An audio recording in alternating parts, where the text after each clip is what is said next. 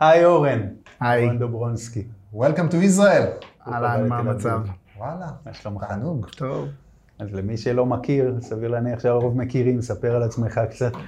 אז אני אה, יליד הארץ, אני התחלתי עם מחשבים מגיל מאוד צעיר, ואני מאמין שאני יזם בנשמה. התחלתי עם זה אה, מגיל מאוד צעיר, ומיד אחרי הצבא התחלתי סטארט-אפים עוד לפני שהייתה מילה כזאת. היה 97, אה, סוף 96, והתחלתי בעצם את הלוח מודעות הראשון באינטרנט.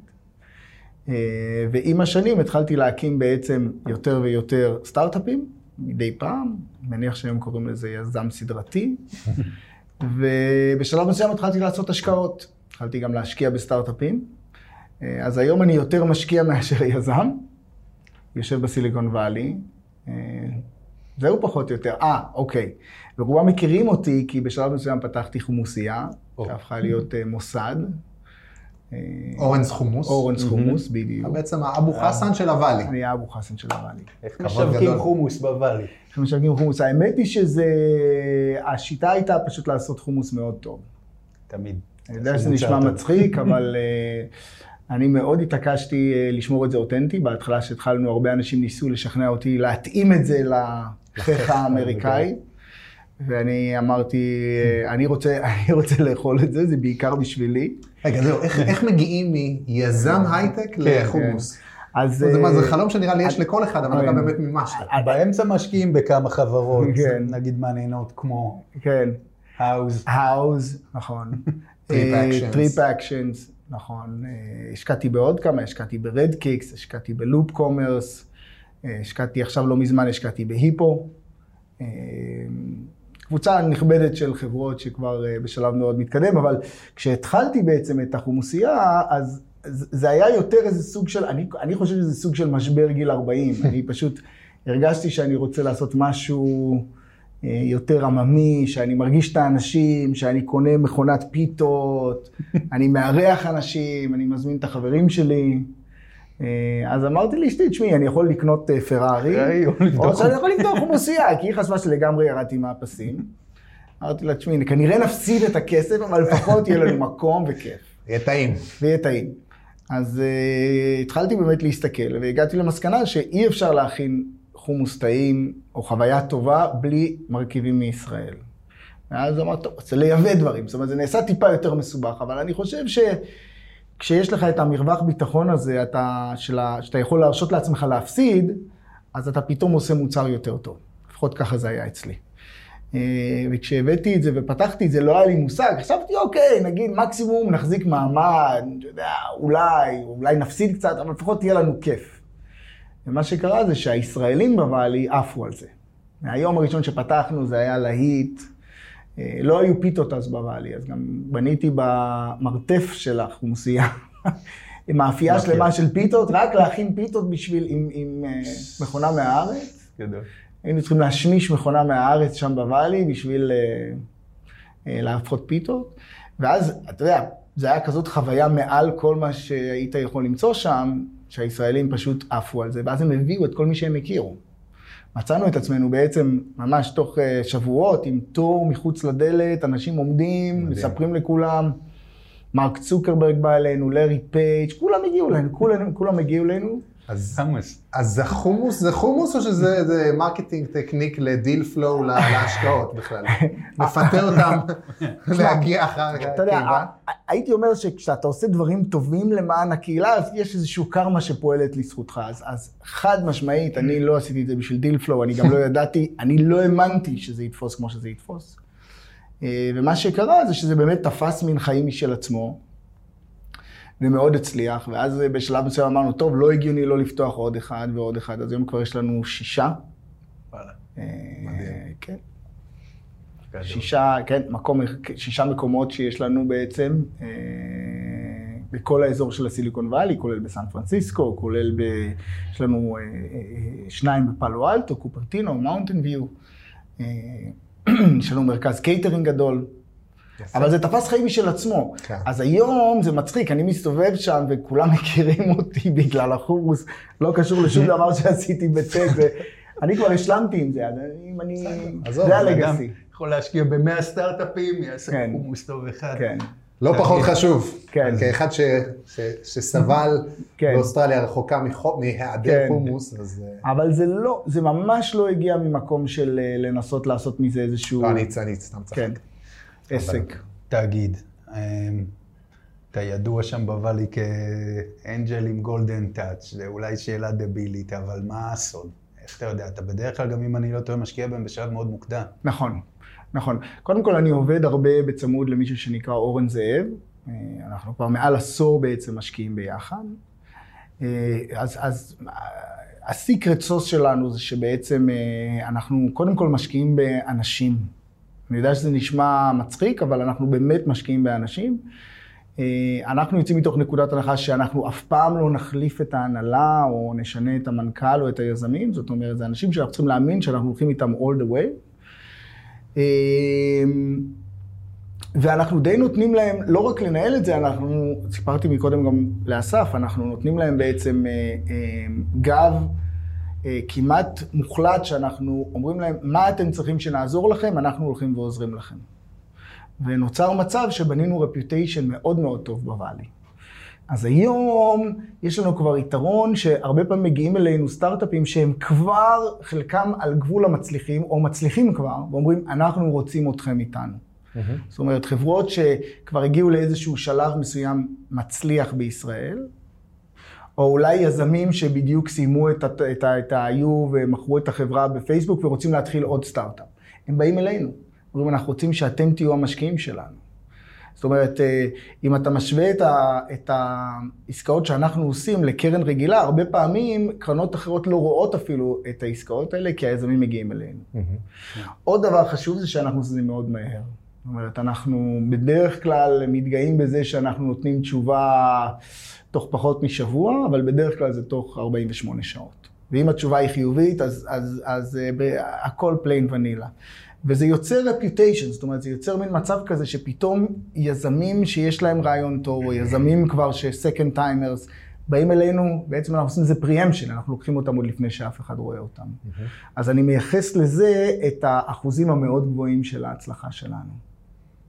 ובכל זאת, אה, זאת אומרת, האחוזי, אחוזי ההצלחה הגבוהים, זאת אומרת, זה, זה יפה שבניתם סוג של מותג, ובאמת אה, סטארט-אפים ויזמים מגיעים אליכם אה, כאפשרות השקעה, אבל, אבל מה בעצם, עדיין האחוז הצלחה של הסטארט-אפים שאתם משקיעים בו הוא, הוא מדהים. כן. והשאלה היא בעצם, מה, האם, האם אתה רואה איזשהו משהו באותן חברות אה, שמאפיין אותם, מהצד השיווקי שלהם, בוא נגיד, ש, שגורם להם להצליח? זאת אומרת, לה- להגיע כן. ול- לטרקשן שהם מגיעים אליו. תראה, אני, אני, אני, כולם שונים. קשה לי, קשה לי לענות על זה, כי באמת אני חושב שבסוף לבחור את ה...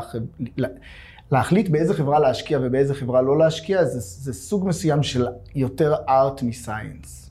מה זאת אומרת? אין לזה חוקים מאוד ברורים שאפשר להגדיר אותם. אתה מבין? בסוף, כל מה שאמרתי נכון, ויכול לבוא לך מישהו, אבל אם זה לא מתאים, אז, אז קשה להגדיר לפעמים בדיוק. כל אחד הוא שונה למה הוא לא מתאים. זה לא שיש נוסחה אחת, ואנחנו עוברים על איזשהו צ'קליסט, ואומרים זה כן, זה כן, זה הוא עבר, זה, זה הוא לא עבר. אין לנו את הדבר הזה. אה, אז זה כן סוג של gut feeling, זה כן סוג של איזה אלגוריתם AI שמחליט שאני לא יודע לפתור אותו. אנחנו, אתה יודע, צריכים מאוד להתחבר גם לרעיון וגם ליזמים, וזה לא, לא משהו שאפשר באמת אה, להסביר ככה. אה, אני יכול להגיד לך שליזמים ישראלים, למרות שיש לנו בפורטפוליו גם לא מעט חברות שאין בהן קשר ישראלי, הרוב המוחלט יש בהם קשר ישראלי. אז אני חושב שהקשר של יזמים, יזמים ישראלים אלינו ואנחנו אליהם, אה, יש פה משהו מאוד חזק בחיבור. תראה, אני, אני בא מרקע של אופרציה, אני, היו לי כמה סטארט-אפים, אז אני גם מביא את הצד הזה. אורן, בתור uh, משקיע שנמצא הרבה שנים, הוא מאוד גאה בזה שההחלטות אצלנו נעשות, um, בעצם, אנחנו משקיעים מכיסים שונים, אנחנו לא משקיעים, אורן משקיע את הכסף שלו ואני את שלי, ובשנים האחרונות גם לאורן יש קרן, אבל אנחנו בעצם משקיעים את הכסף שלנו. אז כשאתה משקיע את הכסף שלך, הדינמיקה היא מאוד שונה מאשר כשאתה בא לקרן. כשאתה בא לקרן, זה החלטה, מה שנקרא, אה, made by committee. זאת אומרת, זה כסף משותף. אז הרבה פעמים הם לא מוכנים לקחת סיכון יותר מדי גדול על הכסף המשותף. לפעמים הם מוכנים לקחת סיכון התאבדותי כשהם רוצים להציל משהו שכבר נכשל והם לא רוצים שהוא ייראה רע, אז הם משקיעים בו עוד בשביל לדחות את הקץ. כן. כל מיני שיקולים זרים. יש המון פוליטיקה בקרנות. ברור. בעצם אצלנו זה לא קרן. ברגע שהפכת אותי ואת אורן, כל אחד מאיתנו לאינדיבידואלים, אז השיקולים שלנו הם הרבה יותר, אה, הייתי אומר, בריאים, מאשר בקרן. אני יודע שזה נשמע הזוי, אתם יכולים להגיד, מה, הקרן לא חושבת על לעשות את הטוב? היא כן, אבל היא מוטה מאוד. רגע, הוא השקיע כבר חצי מהקרן, אני גם רוצה להביא השקעות. פתאום אתה מתפשר ועושה השקעות לא טובות. או פתאום חברה שלך שהיא חצי-חצי ואתה לא רוצה להודות שהיא חצי. כל מיני אה, דינמיקות לא בריאות. וכשאתה משקיע את הכסף שלך, פתאום אתה עושה את זה. עוד דבר, פתאום עולה לי, זה שהרבה משקיעים אה, שרואים את עצמם בתור אנג'לים, ואנחנו כביכול אנג'לים, אורן היום עוד פעם יש לו קרן, אבל הרבה שנים הוא היה angel, היו משקיעים סכומים מאוד קטנים. היו משקיעים במין מודל, במין מודל שאומר, אה, מין spray and pray, אני אשקיע פה 25 אלף, שם 50 אלף, ונראה משהו יצליח, אני, אני כאילו שט. אנחנו לא עשינו את זה אף פעם. אנחנו תמיד השקענו סכום שכואב לנו אם אנחנו מפסידים אותו. ודיסציפלין כזה גורם לך לחשוב הרבה פעמים לפני שאתה משקיע. לפעמים אנחנו מפסידים עסקאות, לא הרבה. אבל כשאנחנו משקיעים, אנחנו משקיעים בדברים שאנחנו, יש לנו קונביקשן גבוה. ואז כואב לך, אז גם יש לך את הזמן לעזור לזה. עוד פעם, זה שונה מחשיבה של קרן. אני מנסה למצוא סיבות למה הסטטיסטיקה שלנו טובה יותר מאחרים, אז אני מניח את הדברים האלה. אין לי הוכחה לזה, אבל דווקא אתה אומר, אני משקיע כסף של עצמי ואני משקיע סכומים מאוד גבוהים, בדיוק. וצריך להגיד, אני צריך להיות יותר זהיר. אתה אומר, כן. הפוך. הפוך, הפוך. אתה יותר זהיר, אני לא אומר, אתה אולי יותר זהיר בדברים מסוימים, אבל הדברים שאתה מאמין בהם, אתה פתאום נעשה גרידי. אתה פתאום אומר, רגע, אני מאמין בזה באמת, אני הולך לשים בזה הרבה כסף, אני הולך לעזור לזה, אני הולך לספר על זה למשקיעים אחרים. אתה תראה, בהרבה קרנות זה לא המצב. הן שמות את הכסף, והם אה, יוצאים, הם כאילו עכשיו במשהו אחר, הם הולכים לחפש את הדבר הבא. כן. אנחנו בעצם אה, קצת, במובן מסוים, owners, עם, ה, עם החברה, רוצים שזה באמת, זה באמת כסף שלנו, זה באמת משמעותי, אנחנו באמת רוצים לעזור לזה. אה, אוקיי. עכשיו, זאת אומרת, מכל הפורטפוליו, יש כאמור אה, כבר מולטיפל יוניקורנס בפורטפוליו. כן.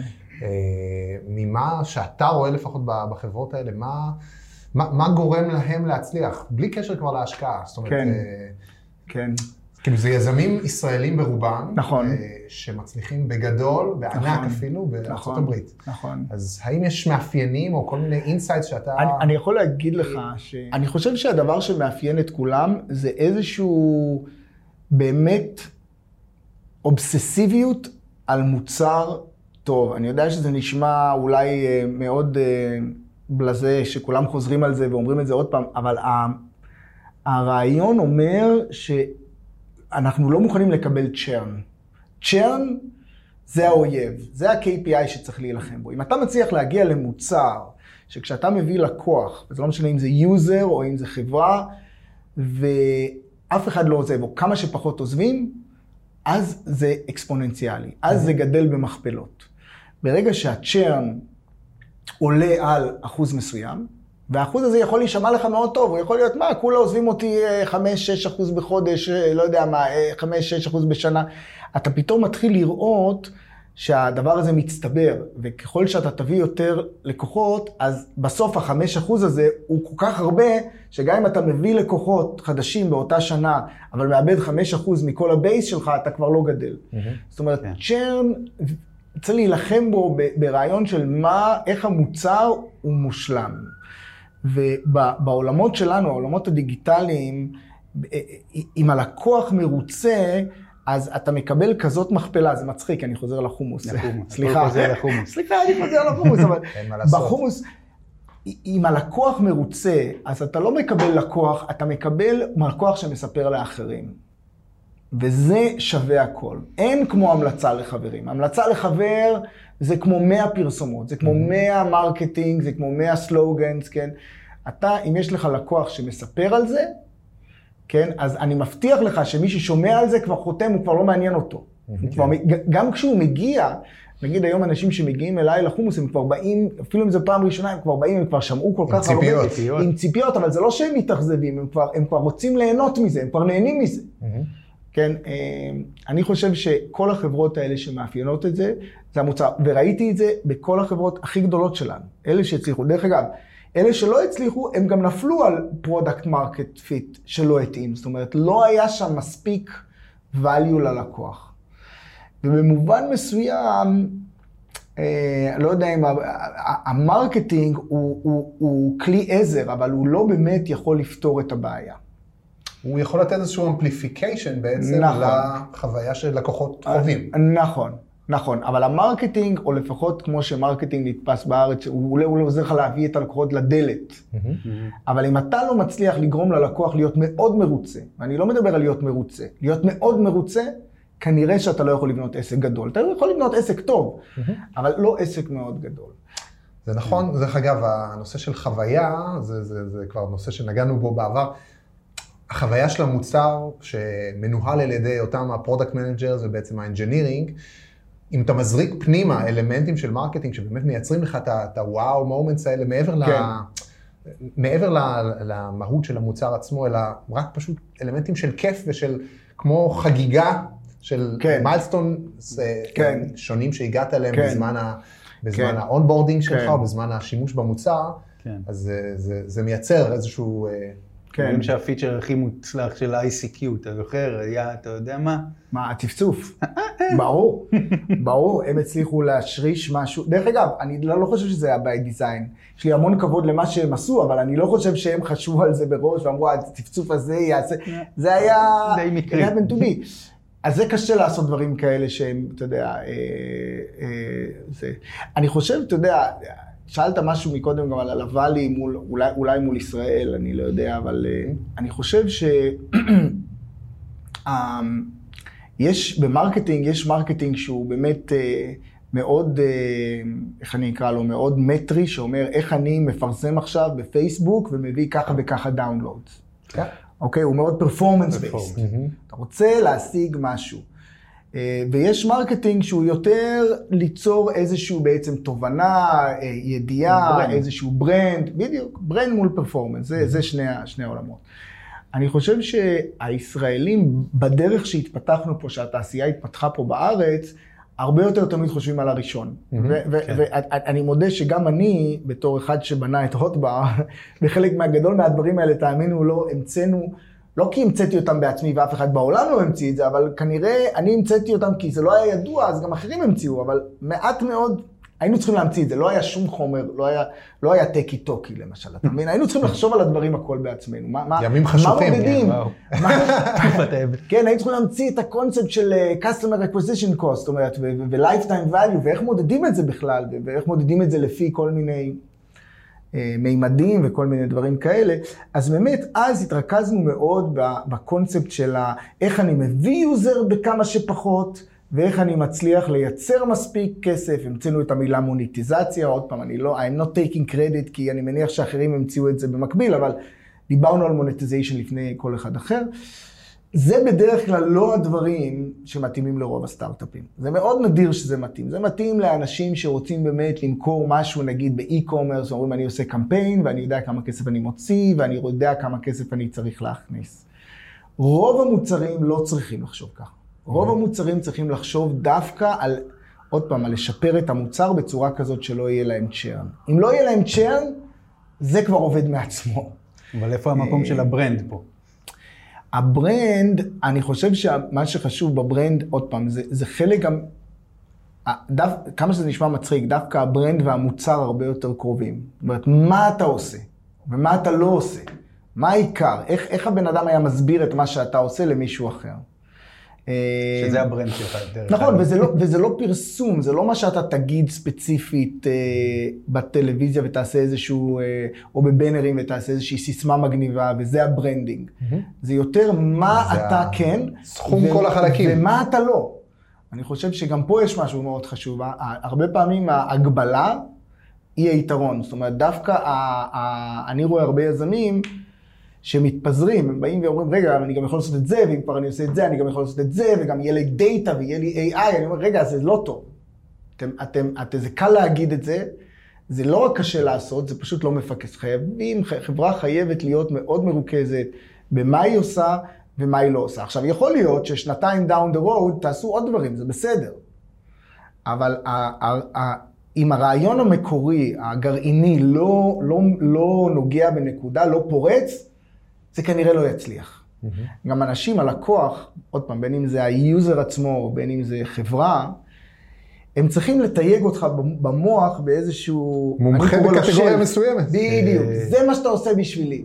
אתה עושה בשבילי את זה, סבבה. עכשיו כל פעם שאני צריך את זה, אני בא אליך. ברגע שאתה מתחיל להגיד, אני עושה גם את זה וגם את זה וגם קצת מזה, אני יודע, אני מדבר פה וכולם בטח יגידו כן, כן, כן, אבל לא תאמין כמה יזמים לא, לא, זה- כן, אנחנו יום יום. חוטאים בזה. שם. הם חוטאים בזה, ואתה בטח רואה את זה כל הזמן, שהם הם, הם, אה, לא רוצים להפסיד. זה קצת אה, פומו, נכון? הם לא רוצים להפסיד. רגע, מה, זה כבר... מישהו יחפש גם את זה. ומה, והוא לא יבוא אליי? כן, הוא לא יבוא אליך. זה בסדר. אתה, לא, אתה גם לא תיתן את הדבר הזה? לא, אני לא לא. תייצר חוויה מספיק טובה ב- בכל הדברים האלה בשביל יפה. שהוא אז באמת... פה, פה בא ה brand לידי ביטוי בעיניי, שאתה יודע מי אתה ומי אתה לא. וברגע שאתה אומר, זה אני ורק את זה, אז אתה, אתה מרוויח הרבה מאוד. אומנם אתה אולי כביכול מפסיד את כל אלה שחשבו על דברים קצת שונים, זה בסדר. אה, זה מה שאנחנו מעודדים חברות לעשות גם. גם אנחנו. אנחנו דרך אגב תמיד אומרים, אתה חייב להיות מסוגל להסביר את זה במשפט אחד, יפה. כי הלקוחות שלך לא יזכרו יותר נכון. משני משפטים, זה שאנשי המכירות שלך לא יזכרו, כל, נכון. כל אחד יגיד משהו אחר. וגם מסג'ינג, בסוף זה עניין של מסג'ינג, אתה יודע, כל הדברים שאתה אומר. זה לא עניין של מה להגיד ומה לא. תגיד הכל, השאלה זה באיזה גובה. זה כן. עניין שיש להם איזו היררכיה. והדבר הראשון שאתה אומר לבן אדם שהוא הכי חשוב, שזה הדבר הזה שהוא יזכור אותך בזכותו, זה חייב להיות משפט אחד. תגיד את שני הדברים אחר כך בפגישת מכירות מספר 4, ברור. לא בהתחלה. ברור. ואני אומר לך, ובסופו של דבר, כל זה, סליחה שאני אומר פה בפודקאסט של marketing, הוא בעיניי משני לחוויה של הלקוח. זאת אומרת, אם הלקוח של המוצר. של מוצר. המוצר. אם הוא נהנה ממנו, אם הוא מביא לו value, יש, אה, פה, יש איזושהי כתבה מאוד מעניינת, של, לא יודע, אני יכול לשתף אתכם, אה, שכתבו עליה ב-first round capital, מישהו בשם שון אליס, מישהו ציטט אותו וזה, אבל מי שהמציא את המונח growth hack. בדיוק. כן, ואני- שזה מונח אסור פה נכון. בתוכנית. אה, אגב, לא? להגיד. סליחה, אוקיי. לא, כי זה abused. הרגו אז- את זה. אז מה שהוא, מה שהוא מדבר זה שהוא שם מצא נוסחה ל product market fit. הוא אומר product market fit, כולם מדברים על זה, אבל אין לזה, אי אפשר לכמת את זה. והוא בעצם שואל אנשים, הוא הגיע למסקנה, אפשר למצוא את זה עוד פעם בבלוג של First Round, אם, אם יש לכם בלוג אז אחלה, אפשר להוסיף את הלינק. נוסיף את זה נוסיף. כן. אה, הוא שם מדבר על זה שאם הוא שואל את המשתמשים שלך, של המוצר שלך, מה היית, אה, how would you feel if this product disappeared, if you couldn't use this product anymore. יש לך של, אה, שלוש תשובות, כן? אה, not disappointed, somewhat disappointed, or very disappointed. כן. הוא אומר, אם אין לך 40 אחוז שענו very disappointed, אין לך product market. נכון. קראתי את זה, זה מדהים. שזה פוסט מדהים, כי בעצם הוא הראשון שבא וכימת את ההגדרה המאוד אמורפית הזאת של מה זה product market fit. הוא אומר, אם הלקוחות, אם אין לך 40% מהלקוחות שאומרים שהם מאוד התאכזבו, שאתה לא יכולים להשתמש במוצר שלך, אז כנראה ה value שלך הוא לא מספיק גדול באמת לפרוץ מאוד חזק. שם כן. תתרכז. אנחנו רואים את זה לפעמים ב marketing, הרבה פעמים באות אלינו חברות שיש להן product market fit, אבל יש כמה פיטים פוטנציאליים, ואז אתה שואל את עצמך, אז מה המשפט הזה הראשון שאתה אומר? ואז התשובה היא, זה שעונה על הפיין הכי גדול, זה שהכי הרבה אחוזים יגידו שהם very, very disappointed. disappointed. מה שאני אוהב זה שהוא מוסיף את ה-somewhat disappointed, אבל לא סופר את זה. כן. זה גם עושים, אני חושב, כשמודדים את ה-NPS score. נכון. אה, שבעצם אומרים לך, נותנים לך לענות על תשובות, כי אם אתה מתנדנד ולא נעים לך להגיד, זה לא טוב, אתה אומר באמצע, לא בסדר. סבבה, תגיד באמצע, אבל אתה לא מרוצה. אתה לא מהממליצים. אז פה אתה לא מהאנשים שבעצם אה, מייצגים את ה... בכלל זה פוסט מעניין שמדבר כן, על זה אחלה דברים. פוסט כן. ממש.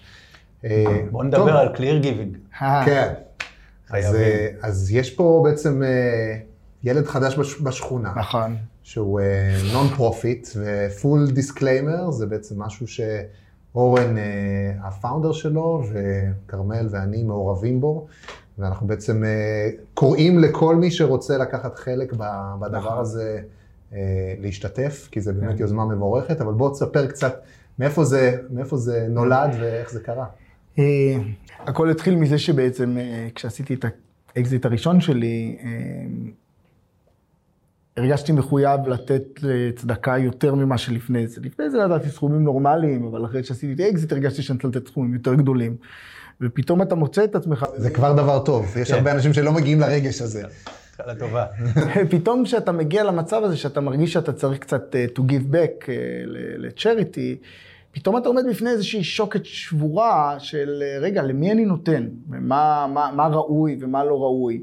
ויותר ממה ראוי ומה לא ראוי, הייתה לי תחושה מאוד גרועה של, רגע, איפה בדיוק הולך הכסף? מה קורה איתו? זה קצת אה, היה פה דיסקונקט של אה, מצד אחד אנחנו חיים בעולם אה, שהכל דיגיטלי והכל אונליין ויש שקיפות מאוד גבוהה ואתה יכול להוציא report לכל דבר כמה שאתה רוצה, כולל בבנק שלך בלחיצת כפתור, ומצד שני אתה הולך לארגוני non profit, כן, לכל מיני עמותות, בין אם זה בישראל או בין אם זה לא בישראל, ואין שקיפות.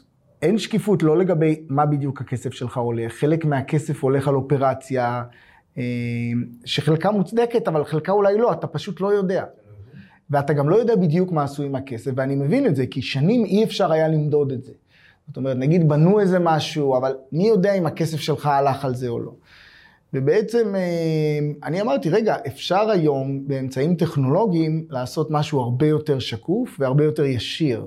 מה זאת אומרת ישיר? ישיר זה אומר, אני להיות יכול למצוא את הבן אדם או את הגוף, לצורך העניין במקרה של clear giving זה משפחות נזקקות. אני יכול להיות יכול דרך אתר מסוים להגיד, אני רוצה שהכסף שלי יעבור למשפחה X, אה, ואני יכול לקבל דוח שאומר, הכסף שלי עבר למשפחה X.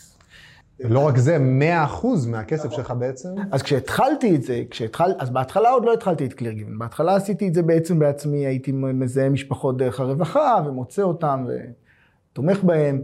אה, זה היה הדרך הכי אפקטיבית מבחינתי.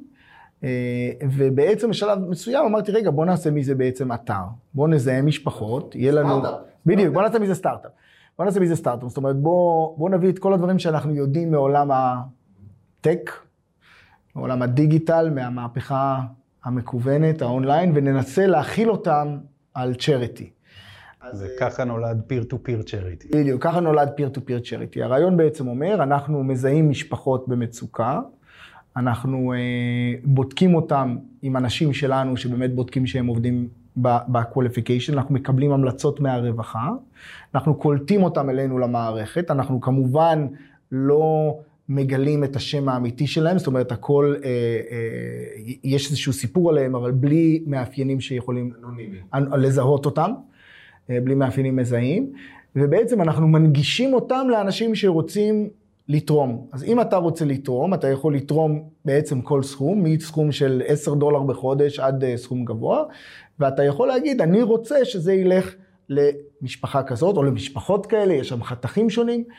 אה, ואתה יודע בדיוק לאן הכסף הולך. ואז הוספנו באמת עוד אלמנט ואמרנו, רגע, בוא נפריד לחלוטין בין הכסף שהולך לאופרציה לבין הכסף שהולך למשפחות. זאת אומרת, אם אתה נותן 25 דולר בחודש למשפחה מסוימת, אז 25 דולר בחודש מגיע למשפחה הזאת, לכרטיס שלה. עוד פעם, זה גם דבר דיגיטלי שלא היה קיים פעם.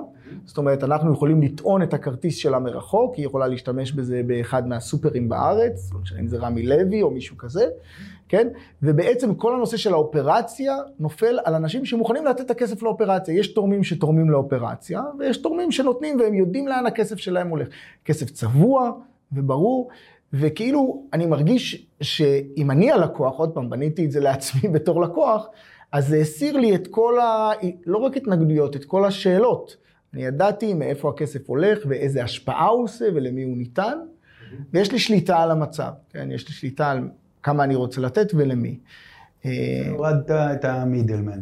הורדתי את אתה לא תורם המידלמן. לעמותה, תורם נכון. למשפחה. ו- והתרומה לעמותה תבוא מאנשים שרוצים ספציפית לתרום, אנשים בין אם זה פילנטרופים גדולים או בין אנשים שזה, הם יקבלו דוחות משל עצמם לאן הכסף הלך לעמותה, אבל אז 100% מהכסף. הם יודעים. מה קרה עם הכסף הם בדיוק. גם יוכלו לדעת, דרך אגב, משהו מאוד מעניין, הם יוכלו לדעת, תראה, תרמת, היום הסך הכל העמותה קיבלה ככה וככה עבור אופרציה, אבל תראה כמה כסף עבר זאת אומרת, הם יוכלו לדעת את היחס, כן?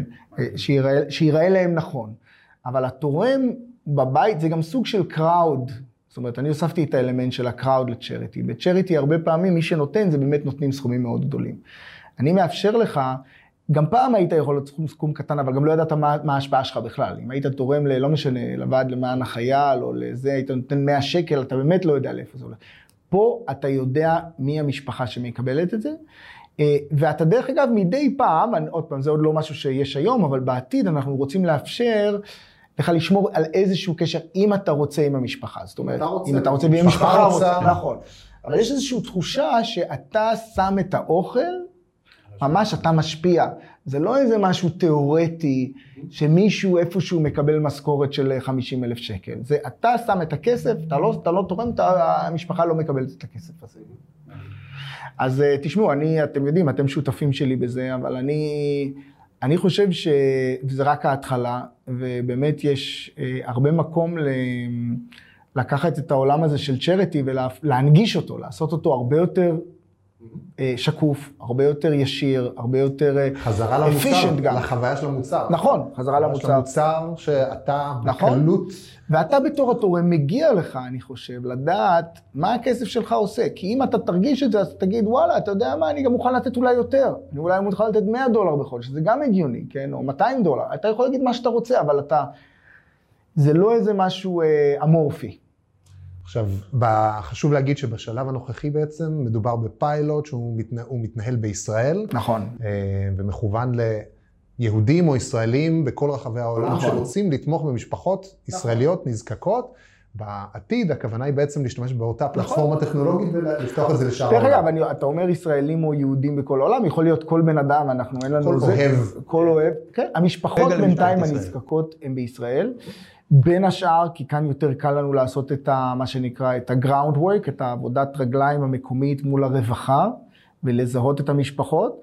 ברגע שיהיה לנו אופרציה בעוד מדינות, אז נוכל גם לעשות את זה שם. זה פיילוט בישראל, אבל המודל הזה, אין ספק שהוא יכול לחול על כל מקום.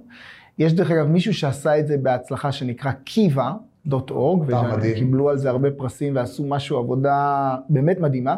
ההבדל שם, ששם נותנים לך הלוואה. שם נותנים הלוואות לאנשים להקמת עסקים קטנים, אז אתה קונה עז למישהי בגאנה, והיא תחזיר לך את המחיר של העז. באמת, זה ברמה הזאת, שזה נהדר. אה, זה שונה, זה שונה. אנחנו בעצם באים ואומרים, יש הרבה משפחות, הרבה, אתה יודע, משפחה זה גם יכול להיות בן אדם אחד, אבל בדרך כלל זה משפחות, שהגיעו לכל מיני מצבים שהם לא יכולים עכשיו לקחת הלוואה. הם לא במקום שעכשיו, וזה גם לא הוגן כל כך לתת להם הלוואה בידיעה מראש שהם לא יכולים להחזיר אותה. אז, אה, אבל, אבל, אבל זה דומה במבנה, זה דומה במבנה. למה אוכל? הרבה אומרים, אל תיתן להם את הדגים, תיתן להם את החכות, כן. נכון? כן. אה, תראה, אני, אני חושב שבן אדם ש... או משפחה שהגיעה למצב באמת שהיא נזקקת, אה, לבוא ולהגיד בוא ניתן להם את החכה, זה אולי עושה לך להרגיש מאוד טוב שאתה משנה את התמונה יותר בגדול, אבל זה לא באמת ריאלי. כשאתה פוגש אה, משפחות נזקקות, עוד פעם, בישראל יש לצערי הרבה מאוד שברמה של, של אה, אין להם אה, מספיק אוכל במקרר, אתה בא אליהם הביתה ואין להם אוכל במקרר, ואין להורים שלהם כסף לקנות להם אה, בגד חדש, אתה רואה כל מיני דברים שאתה אומר, רגע, על מה אתה מדבר איתי בכלל? אתה, אני עכשיו אתמוך, האבא בבית סוהר, מה, מה אתה עושה עם הילדים? האישה נשארה עם הילדים, מה, לא יודע, כל מיני מצבים הזויים. ילדים, כן. אחד הילדים חולה מאוד והביטוח לא מוכן לשלם את זה. כל מיני אנשים שפשטו רגל. אתה, אתה מגיע למצב שאתה אומר, בוא, אני לא אומר שלא צריך גם חכות. במקביל, זה שני דברים שונים. בדיוק. ומשום מה יש, רוב האנשים מאוד אוהבים לתת חכות. אבל אתה יודע, אתה בא לבן אדם רעב, אתה נותן לו חכה, אתה לא, אתה לא באמת עוזר לו עכשיו, פה ומיד. זה עכשיו את הוא, הדג. הוא כן, אתה אתה אומר, טוב, אני אעזור לילד שלך ללמוד באוניברסיטה, על מה אתה מדבר שנייה? באמת, הולך לישון רעב. הילד הולך לישון רעב, אין להם כסף ל, ל, ל, ל, לדברים בסיסיים לקנות לילדים. כשאנחנו נותנים אוכל, דרך אגב, אז זה לאו דווקא המחשבה שלי ש... מבחינתי זה אומר שאני נותן להם כסף לקנות אוכל, אז זה אומר שאת ההכנסה הנוספת שיש להם, בין אם זה מביטוח לאומי או ממשהו כזה, הם פתאום כן יכולים לקנות ילקוט לילד לבית ספר. אתה מבין? הם יכולים לקנות נעליים שאין בהם חורים. הם יודעים כבר מה להשתמש בכסף. אני, בזה שאני נותן להם את האוכל, אז אני כאילו כיסיתי את ה basics, ואני מאפשר להם את, בעצם אני מאפשר להם את השאר. אני לא מאפשר, מאפשר להם את האוכל, אני מאפשר להם את הדברים המאוד בסיסיים. אמ, אמ, גם זה משהו שהוא, אני מאוד אוהב, זה וורן באפט, אני חושב, אמר את זה, זה משהו ש... איך הוא אמר את זה? אמ, הוא אומר שכשהוא נותן לתרומה, הוא חושב על זה כמו עסק. Where is the biggest uh, bank for the buck? איפה אני נותן את הכסף שעושה את ההשפעה הכי גדולה? כשאתה רואה משפחה באמת נזקקת, יש משפחות שמכבים להם את החשמל, משפחות, כל מיני דברים הזויים שמפנים אותם מהבית. כשאתה רואה אותם ואתה נותן להם את הכסף ואתה משנה להם את החיים. וכשאתה עכשיו הולך ובונה מתנ"סים, אה, לפטופים, אה, אני לא יודע להגיד לך, אני לא יודע למדוד את זה, אף אחד לא יודע למדוד את זה. זה, לא אני לא זה יודע לא למדוד. במקום, זה כרגע נכון. וזה לעתיד. וזה בעוד 30 שנה, אף אחד לא יודע למדוד. אני יכול להגיד לך שזה האימפקט שאתה רואה כשאתה נותן ישירות למשפחות אה, נזקקות. דרך אגב, הרף שלנו הוא די, אני אגיד רף גבוה, אבל בעצם זה אומר 20% מתחת לקו העוני, זאת אומרת, המוצהר. אם משפחה נמצאת מעל 20% מתחת לקו העוני, היא לא, היא לא, אנחנו לא מכניסים אותה נכון להיום לאתר. זאת אומרת, הדרישות שלנו הן באמת משפחות שצריכות אה, עזרה. להיות שבמצב קיצוני. שהרווחה מכירה אותם, אז זה גם הסינון של הרווחה והיא המליצה עליהם, אנחנו עוברים עם מספר רווחות בישראל. אה, ואז הכסף הזה באמת יכול לקנות להם יחסית, אה, יחסית הרבה. תתפלאו כמה כסף ברמות האלה יכול לעשות שינוי, ונותן להם באמת אה, איזשהו רוגע פיננסי. אה, מדהים. שוב, אז, אז כן. סליחה. אז אני אומר, באמת החוויה אמ, היא של disruption טכנולוגי לעולם ה-charity, נכון? שהופך את החוויה מתרמתי לעמותה להאכלתי משפחה. נכון, בגלל אנחנו קוראים לזה peer to peer. בעצם הכסף שאתה נותן הולך למשפחה, אנחנו רק הצינור, אנחנו לא חותכים מזה עמלה, לנו אין שום דבר מזה, ואתה מקבל את כל ה benefit שאתה יודע, את כל ה... כן, benefit שאתה יודע שתרמת ושעשית שינוי. וה... זאת אומרת, אם דיברנו על, אנחנו מדברים הרבה על אתגרים של, אה, בעולם ה marketing, אז לעשות marketing לטכנולוגיה בלי תקציב שיווק, חברים, זה אתגר שאני, זאת אומרת, אנחנו באמת נשמח לכל עזרה, כן. שכל רעיון יצירתי, כ- כ- ככל כן. שלא יהיה, ל- איך אפשר לקדם את היוזמה כן. הזאת, ו... אז, אז גם בקטע הזה, סליחה שאני חוזר לחומוס, אני חייב, אבל אני חושב שברגע שאתה עושה מוצר שאנשים אה, מבינים את המישן שלו, והמוצר הזה קל להתחבר למישן שלו, אה, אז אנחנו נמצא הרבה אנשים שרוצים לתמוך בזה, כי זה פתאום נעשה קל. למשל, חברות יכולות לעזור לנו בזה שהן עושות matching, או שהן עוזרות לנו עם אה, כל מיני הקצאות שהן נותנים לעובדים שלהם לעשות, אה, יש חברות שעושות הקצאות שנותנות לעובדים לעשות אה, סוג של charity. מסכים. אנחנו בעצם קוראים לכל המאזינים, אנחנו בדרך כלל לא עושים פה marketing, אבל הצופים. הפעם, מאזינים והצופים, כל רעיון אה, יתקבל, יתקבל בברכה. נכון. יצירתי של איך אנחנו מקדמים את זה.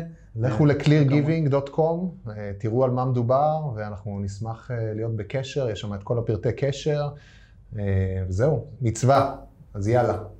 סבבה. אורן, אורן. תודה רבה. תודה שבאת. רגע, מתי חומוס? אז רגע, בשביל זה אתם צריכים לבוא לוואלי. איזה חומוס הכי. טוב בארץ, אורן? הוויכוח, תן, אני חייב להוציא את זה ממך. אני כבר שאלתי, אז אני יודע. אה, תשמע, כל החומוסים טעימים בארץ. לא, סליחה, לא כל החומוסים טעימים בארץ. אני אישית אוהב הרבה חומוסים.